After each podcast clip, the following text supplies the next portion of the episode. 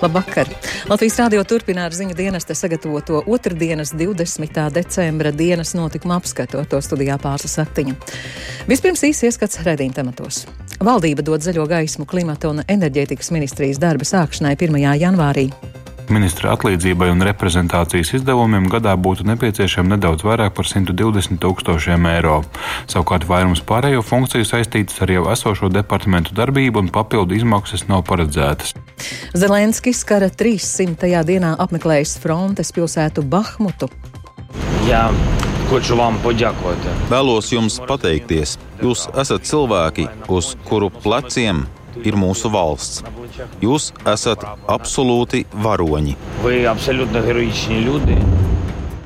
Minimālās algas celšana ietekmēs arī parādniekus. Vairāk būs jātērē arī alimentu maksātājiem.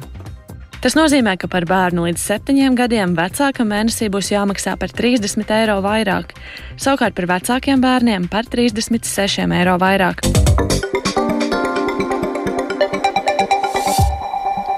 Jaunveidojumā klimata un enerģētikas ministrija jaunās vienotības politiķa Raimonda Čudera vadībā darbu sāks nākamā gada 1. janvārī.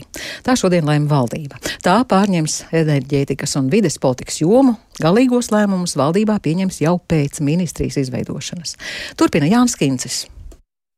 Saima jau šī mēneša sākumā atbalstīja izmaiņas ministru kabineta iekārtas likumā, kas paredz jaunas klimata un enerģētikas ministrijas izveidi.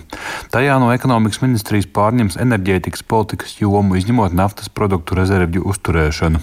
Savukārt no vidas aizsardzības un reģionālās attīstības ministrijas tajā pārņems klimata politikas jomu. Par tām atbildīgo departamentu darbinieki kopskaitā teju 50 darbu sāks jaunajā struktūrā. Līdz nākamā gada budžeta pieņemšanai jaunās ministrijas darbību finansēs no ekonomikas un vidas aizsardzības ministriju budžetiem. To valdības sēdē pastāstīja valsts kancelēs direktors Jānis Citskovskis. Tiek paredzēts, ka visas ministrijas trīs kopīgi sagatavo priekšlikumu nākošā gada budžeta veidošanas procesā pār tām pārdalēm, kas būtu attiecīgi veicams no ekonomikas ministrijas puses un varam esošajām budžeta programmām uz jauno klimata un enerģētikas ministriju, lai nodrošinātu viņas funkcionēšanu. No nākošā gada, orientējuši aprīļa, kad stāsies spēkā jaunais eh, budžeta likums, klimata un enerģētikas ministrijai būs sava budžeta programma un faktiski pilnvērtīgi varēs eh, viņu pārvaldīt. Jaunā ministrija būs atbildīga par turpmāko atteikšanos no Krievijas energoresursu izmantošanas, un tā izstrādās arī valsts klimata neutralitātes stratēģiju un to regulējošos tiesību aktus. Šī ministrija būs arī vidas investīcija fonda valsts kapitāla daļu turētāju. Ideja par enerģētikas un vidas politikas likšanu zem viena jumta pieteica jaunā vienotība un premjeras Krišjāns Kariņš. Iepriekšējās valdības laikā lēmumi, kas saistīti ar abu jomu pārvaldību, brīžiem buksējuši, jo trūcis konkrēti atbildīgā. No labas pārvaldības viedokļa vēl paredzēts lemt par Latvijas energo pāraudzības pārņemšanu no ekonomikas ministrijas. Par to nepieciešama arī politiska vienošanās, atzina valdības vadītājs Krišjāns Kariņš. Tas ir process. Mēs esam trīs politiskie partneri. Vēl mēs turpinām kā varētu teikt, pārvarēt varbūt iesīkstējušu domāšanu, ka ir jādara viss šā un ne citādi.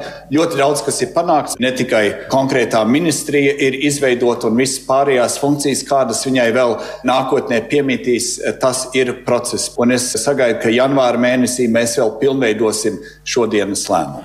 Finanšu ministrijas aplēses liecina, ka klimata un enerģētikas ministra atlīdzībai un reprezentācijas izdevumiem gadā būtu nepieciešama nedaudz vairāk par 120 tūkstošiem eiro.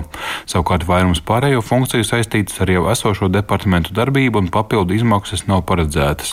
Pašlaik gan vēl nav zināms, vai jaunajai ministrijai meklēs atsevišķas telpas.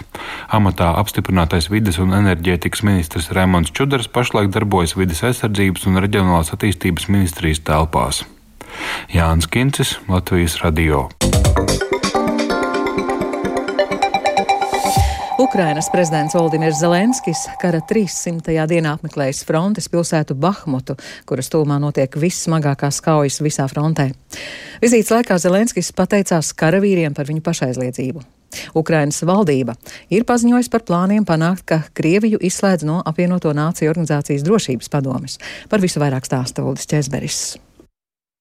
Neraugoties uz pavisam netālu notiekošajām intensīvajām cīņām starp Ukrainas aizstāvjiem un iebrucējiem no Krievijas, Ukrainas prezidents Volodimirs Zelenskis šodien ieradās iepriekš neizziņotā vizītē Bahmutas pilsētā Donetskas apgabalā. Bahmutā Zelenskis tikās ar ukraiņu karavīriem, kuriem viņš pasniedza apbalvojumus. Zelenskis īsā uzrunā no sirds pateicās karavīriem par viņu drosmi un pašaizliedzību. Я хочу вам подякувати. Велика вам вдячність за вашу міцність, zamotivovanīts. Vēlos jums pateikties. Liels paldies par jūsu izturību un motivētību, jo mēs zinām, ka frontē var būt dažādi. Jūs esat cilvēki, uz kuru pleciem ir mūsu valsts. Vēlos jums pateikties par to, ka jūs esat saglabājuši pašu svarīgāko - zemi, vēlēšanos dzīvot, Ukrainu mūsu karogu. Jūs esat absolūti varoņi. Ви абсолютно героїчні люди. Bahmutu uzskata par pašlaik viskarstāko punktu 1300 km garajā frontes līnijā. Nelielā pilsēta ir strateģiski nozīmīgs transporta mezgls, caur kuru var nokļūt Slovjanskā un Kramatorskā, kas kopš 2014. gada ir Donetskas apgabala administratīvais centrs. Krievijas karaspēks ar milzīgu spēku cenšas ieņemt Bahmutu. Pilsētu ikdienu intensīvi apšauda, tāpēc tur vairums māju ir pilnībā nopostītas. Bahmutā vēl palikušajiem iedzīvotājiem nākas mitināties pagrabos neciešamos apstākļos, jo pilsētā nav elektrība, ūdens un siltums. Šodien apritēja 300 dienas kopš Krievijas pilna apmēra iebrukuma Ukrainā. Kā liecina Ukrainas oficiālajie aprēķini, Krievija karā ir zaudējusi jau gandrīz 100 tūkstošus cilvēku.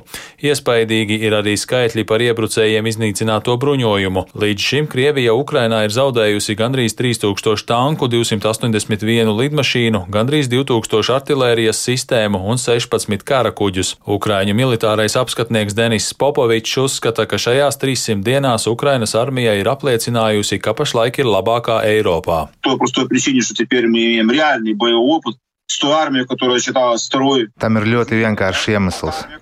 Mums ir reāla kara darbības pieredze pret armiju, kuru agrāk uzskatīja par otro labāko pasaulē. Savukārt armija, kuru uzskatīja par otro labāko pasaulē, ir apliecinājusi, ka šo līmeni nesasniedz. Galvenie iemesli tam bija nepareiza plānošana, nespēja novērtēt reālo situāciju Ukrainā, sabiedrības un armijas spējas aizsargāt savu valsti. Ukraina turpina darbu pie tā, lai pastiprinātu agresoru valsts Krievijas starptautisko izolāciju. Ukrainas ārlietu ministrs Dmitro Kuleba šodien paziņoja, ka Kīva gatavojas pierādīt Krievijas pretlikumīgo atrašanos ANO drošības padomē. Viņš sacīja, ka Krievija ieņem vietu drošības padomē bez pienācīga juridiska pamata un pirms 31 gada notikušas krāpnieciskas schēmas rezultātā. Tāpēc Ukraina gatavojoties oficiāliem soļiem, lai to pierādītu un sāktu politisku procesu, kam vajadzētu novest pie Krievijas izslēgšanas no ANO drošības padomes.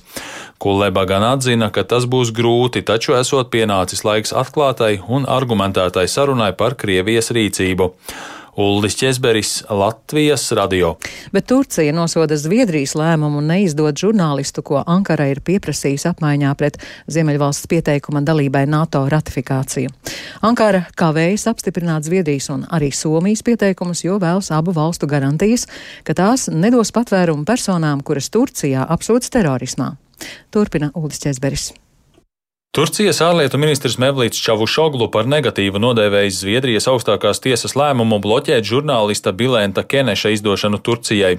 Turcijas varas iestādes apsūdz Kenešu par līdzdalību 2016. gadā notikušajā apvērsuma mēģinājumā. Zviedrijas augstākās tiesas spriedumā norādīts, ka Kenešu Turcijā var tiesāt par viņa politiskajiem uzskatiem. Čavušoglu arī sacīja, ka ar vienas personas izdošanu nepietiek, lai Turcija apstiprinātu Zviedrijas pieteikumu dalībai NATO. Zviedrija šomēnes izdeva Turcijai terorismā apsūdzētu Kurdistānas strādnieku partijas biedru. Itālijas tiesa lemj par Silvijas Pancerī izdošanu kriminālu vajāšanai Beļģijā. Viņa ir bijušā Eiropas parlamenta deputāta Piera Antonio Pancerī meita. Pirmdien tiesa jau apstiprināja bijušā parlamentārieša sievas Marijas Doloresas Koleonī izdošanu Beļģijai. Prokuratūra uzskata, ka abas sievietes labi apzinājās, ar kādiem netīriem darījumiem nodarbojas viņa ģimenes galva. Skandāla attīstībai sako mūsu Briseles korespondents Aķems Konohaus. Bijušais Eiropas parlamenta deputāts Piers Antonio Panceri ir korupcijas skandāla centrā. Pēc nepārvēlēšanas parlamentā viņš 2019. gadā ir nodibinājis nevalstisko organizāciju Cīņa ar nesodamību. bet apsūdzība uzskata, ka patiesībā Panceri ir mēģinājis ietekmēt deputātu lēmumus ne tikai Kateras, bet arī Marokas interesēs. Savukārt viņas sieva un meita esot līdzzinātājas. Naudu no Pancerī nevalstiskās organizācijas ir saņēmis arī bijušais Eiropas Savienības komisārs Dimitrs Avramopuls un Startautiskās arotbiedrību konfederācijas vadītājs Luka Vizentīnī. Visi noliedz jebkādas pretlikumības.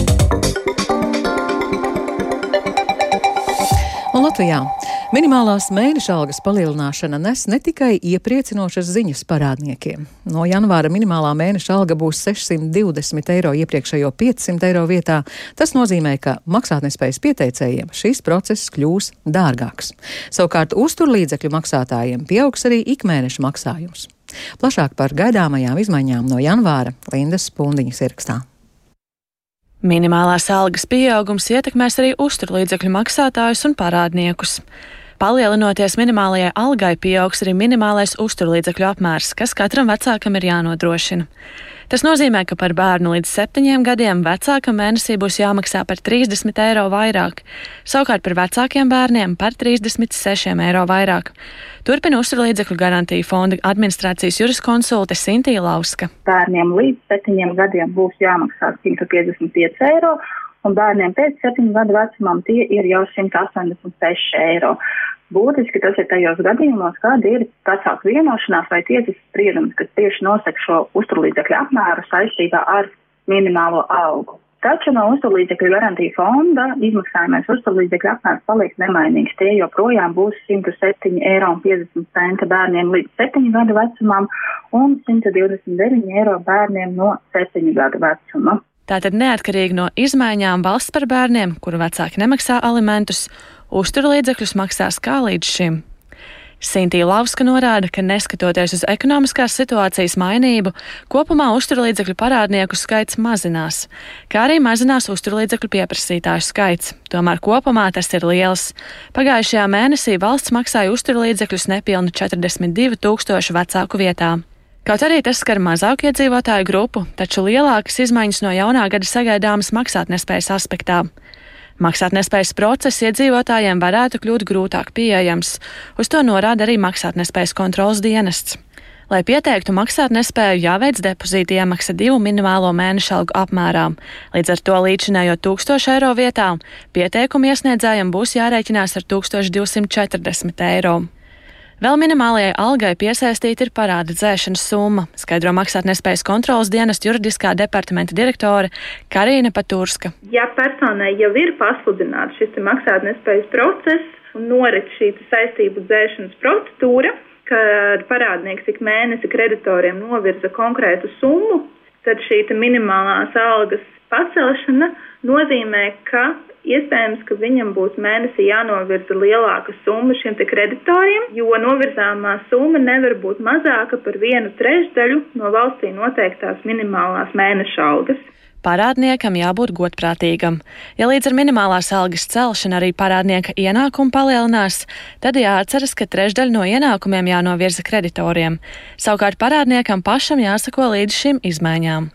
Taču ir arī kāda pozitīva ziņa darbiniekiem, kura darba devējs kļuvis maksātnespējīgs. Skaidro maksātnespējas procesa nodrošinājuma departamenta direktore Sandra Celma. Darbiniekiem palielināsies izmaksājumu naudas līdzekļu apjoms no darbinieku prasību garantiju fondu, jo prasību aprēķins ir piesaistīts darba devēja maksātnespējas gadījumu iestāšanās dienā valstī noteiktajai minimālajai mēneša algai.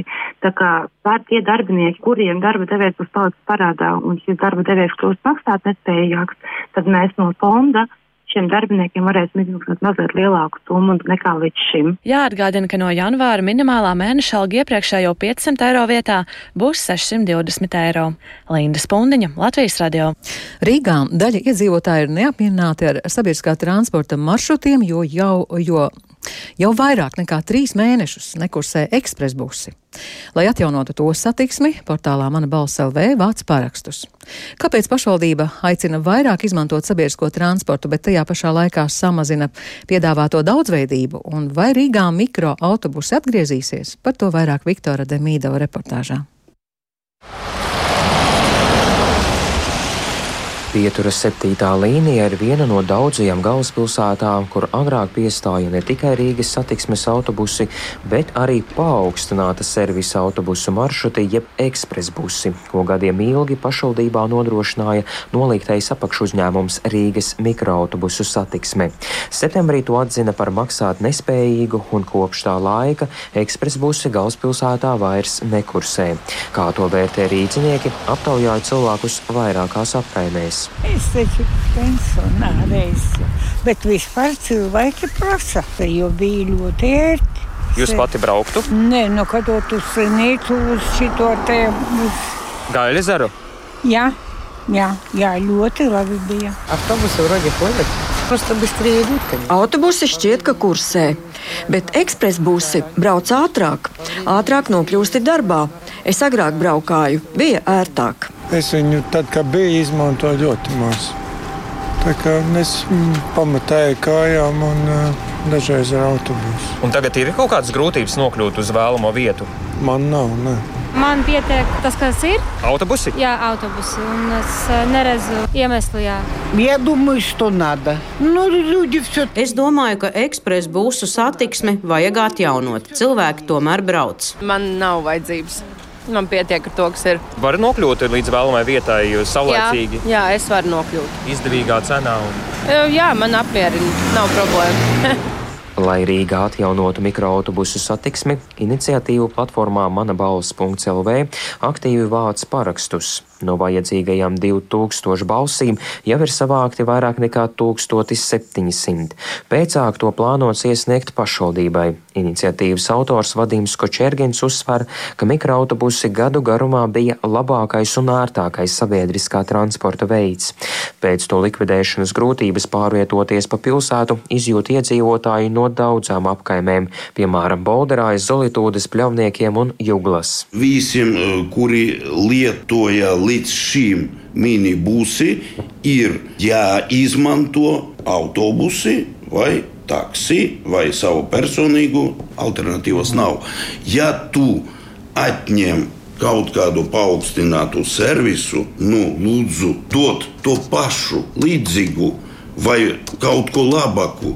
Kočērgens ir vērsies arī Rīgas domas satiksmes departamentā, kur rakstiski atbildēja, ka kopš Covid-19 pandēmijas ekspresbusu maršrutos ir vērojams būtisks pasažieru skaita kritums. Turklāt pēc to slēgšanas maršrutos, kur pasažierus pārvadāja tikai ekspresbusi, atklāti divi jauni autobusu maršruti. Tagad cilvēkiem iespējams izmantot citus sabiedriskā transporta veidus, kas vairumā vēlamo vietu ļauj sasniegt bez pārsēšanās. Tāpēc atjaunot ekspresbusu satiksmi pagaidām nesot lietderīgi un racionāli.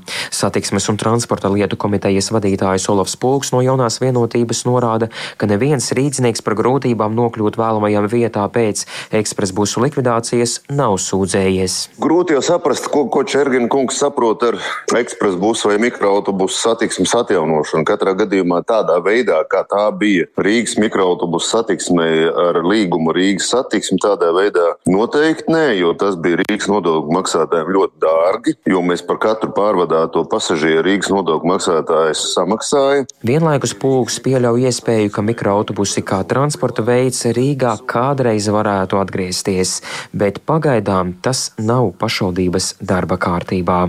Viktors Demidovs, Latvijas radio.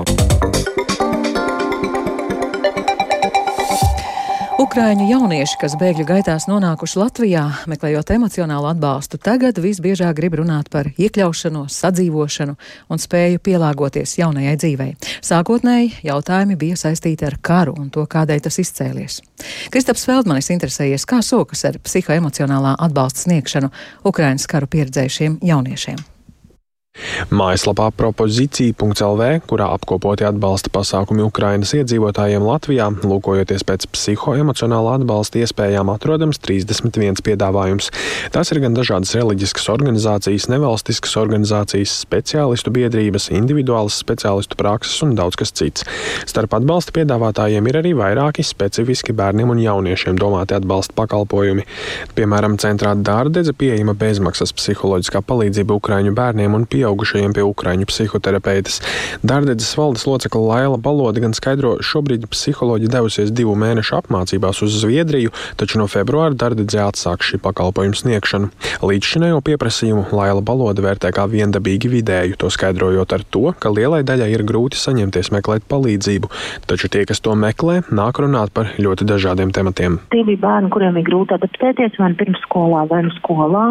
Tie bija bērni, kuriem bija eh, traumas pazīmes un sekas, piedzīvoti uzlidojumi, piedzīvota situācija, ka viņi bija spiest mainīt dzīves vietu, ka viņi ir zaudējuši savus mīļos kaimiņus, gan radiniekus, gan dzīvniekus, jau, jo bērni jau to ļoti pārdzīvo diezgan tiešā veidā. Vienā gadījumā centra sociālās rehabilitācijas pakalpojumu saņem arī ukraiņu meitene, kura cietusi no vardarbības jau mūsu valstī. Tikmēr pusauģu resursu centra klīniskā un veselības psiholoģija Elīna Bārtula stāsta, pusauģu resursu centrs veicis 12 pirmreizējas konsultācijas, kurās izvērtē jauniešu stāvokli savukārt pastāvīgā sadarbībā uzņemti 17 ukraiņu klienti. Bārtulis stāsta, sākotnēji pie speciālistiem bērni vērsušies ar jautājumiem par karu, taču nu problēmas kļuvušas praktiskākas un vairāk saistītas ar ikdienas dzīvi. Piemēram, nereti jārisina jautājumi par iederēšanos vienaudžu vidū. Viens varētu būt, ja Ukrainā ir bijušas kaut kādas grūtības, un tad nāk, lai uzturētu, vēl ir tad, nu, tāda trauksme, bailes, neziņa par nākotni. Un arī, ja ģimenē ir, pieņemsim, nošķirts no tēva šobrīd, tad tās raizes par to, kas notiek ar tēvu, kas notiks. Un tad arī, ko mēs pusauģiem novērojām, integrēšanos skolas vidē. Tieši cik aktīvi Ukraiņi izmanto psihoemocionālā atbalsta iespējas Latvijā noteikti ir grūti, jo, piemēram, valsts piedāvātais atbalsts Ukraiņiem ir tāds pats kā vietējiem iedzīvotājiem, un šo pakalpojumu saņēmējus neizdala. Taču par to, kā pakalpojumiem pieteikties, turpina Nacionālā veselības dienesta pārstāve Sintīja Gulbe. Cētāka informācija ir noskaidrota zvanot Nacionālā veselības dienesta bezmaksas informatīvo tālruņu 801234. Kopumā psihoemocionālo atbalstu dažādos veidos, gan klātienē, gan arī attālinātās konsultācijās sniedz vairākas iestādes, bērnu un pusauģu resursu centru filiālē. Tāpat atbalsts ir pieejams gan ģimenēm, gan bērniem un pusauģiem arī valsts bērnu tiesību aizsardzības inspekcijā. Tāpat ir uh, iespējas saņemt konsultācijas centrā Skalbes, kā arī centrā Mārta. Tāpat atbalsts sniedz dažādas Latvijā esošās nevalstiskās organizācijas biedrības. Jāatgādina, meklēt psihoemocionālā atbalsta iespējas Ukrainas iedzīvotājiem iespējams mājaslapā propozīcija, kā arī zvanot Nacionālajiem veselības dienestam. Kristaps Feldmanis, Latvijas radio. Saruna ar Dievu, kas ar katru gadu kļūst ar vien saistošāka un dziļāka. Tā ikonu radīšanas procesu raksturo Latvijas ikonogrāfu biedrības mākslinieki. Viņu veikumu var aplūkot ikonu izstādē Klusums, kas tikko vaļā vērta mākslas galerijā Baz Art. Māksliniece Anna Zanberga Šenke, kura izstādē piedalās ar sešiem darbiem, stāsta, ka gleznojot, kanons, protams, ir jāievēro, bet tas netraucē darbā ielikt savu radošumu un savu redzējumu. Ir savi likumi, kuri ir jāzina, jo ikona ir simbolu valoda. Jā, simbols ir katrā līnijā, krāsu tonī. Nu, piemēram, ja mēs gleznojam acis svētajiem diamātiem, kristum, ja, tad uz plakstiņiem parasti ir divas līnijas. Viena ir garīgā dimensija, otra ir fiziskā dimensija. Tāpat ir krāsu simbolika. Kāpēc vienam eņģelītam ir zaļš apmetnīts, otram ir sarkans? Bet māksliniece Evija Rudzīte uzskata, ka kanoni ikonu glezniecībā ne tikai neierobežo, bet pat palīdz radoši izpausties. Ir kaut kādas lietas, par kurām jau gadu tūkstošiem ikonogrāfi ir domājuši, un viņi ir izdomājuši to veiksmīgo recepti, ja tā varētu teikt. Un tad ir šis rāmis izdomāts, un viņā iekšā līdz ar to es varu ļoti radoši izpausties. Un man vairs, piemēram, nav jādomā par to, kā es to attēlošu, bet es jau varu domāt pavisam par citām lietām, piemēram, kā attēlot to gaismu, kas ir šī dievišķā gaisma, kā attēlot, lai tiešām šī ikona ir tāda, kas cilvēku uzrunā un aicina uz lūgšanu. Ikona izstāde, kas tikko vaļā vērta mākslas galerijā Bazārta, būs skatām līdz janvāra vidum. Un vēl ziņu dienests seko labdarības maratonam dod pieci, kas šogad aicina palīdzēt Ukrainas bēgļu bērniem Latvijā. Labdarības maratonā līdz sešiem vakarā ir saziedoti 335 tūkstoši un 689 eiro. Un ar to izskan dienas notikuma apskats. Producents Edgars Kupčs, ierakstus montēja Renāša Steimanis, par labskaņu rūpējās Kristaps Eida, ar jums runāja Pārsla Saktiņa un īsi par svarīgāko. Valdība dod zaļo gaismu klimata un enerģētikas ministrijas darba sākšanai 1. janvārī. Zelenskis kara 300. dienā apmeklējis frontes pilsētu Bahmutu, un minimālās algas celšana ietekmēs arī parādniekus. Vairāk būs jātērē arī alimentu maksātājiem.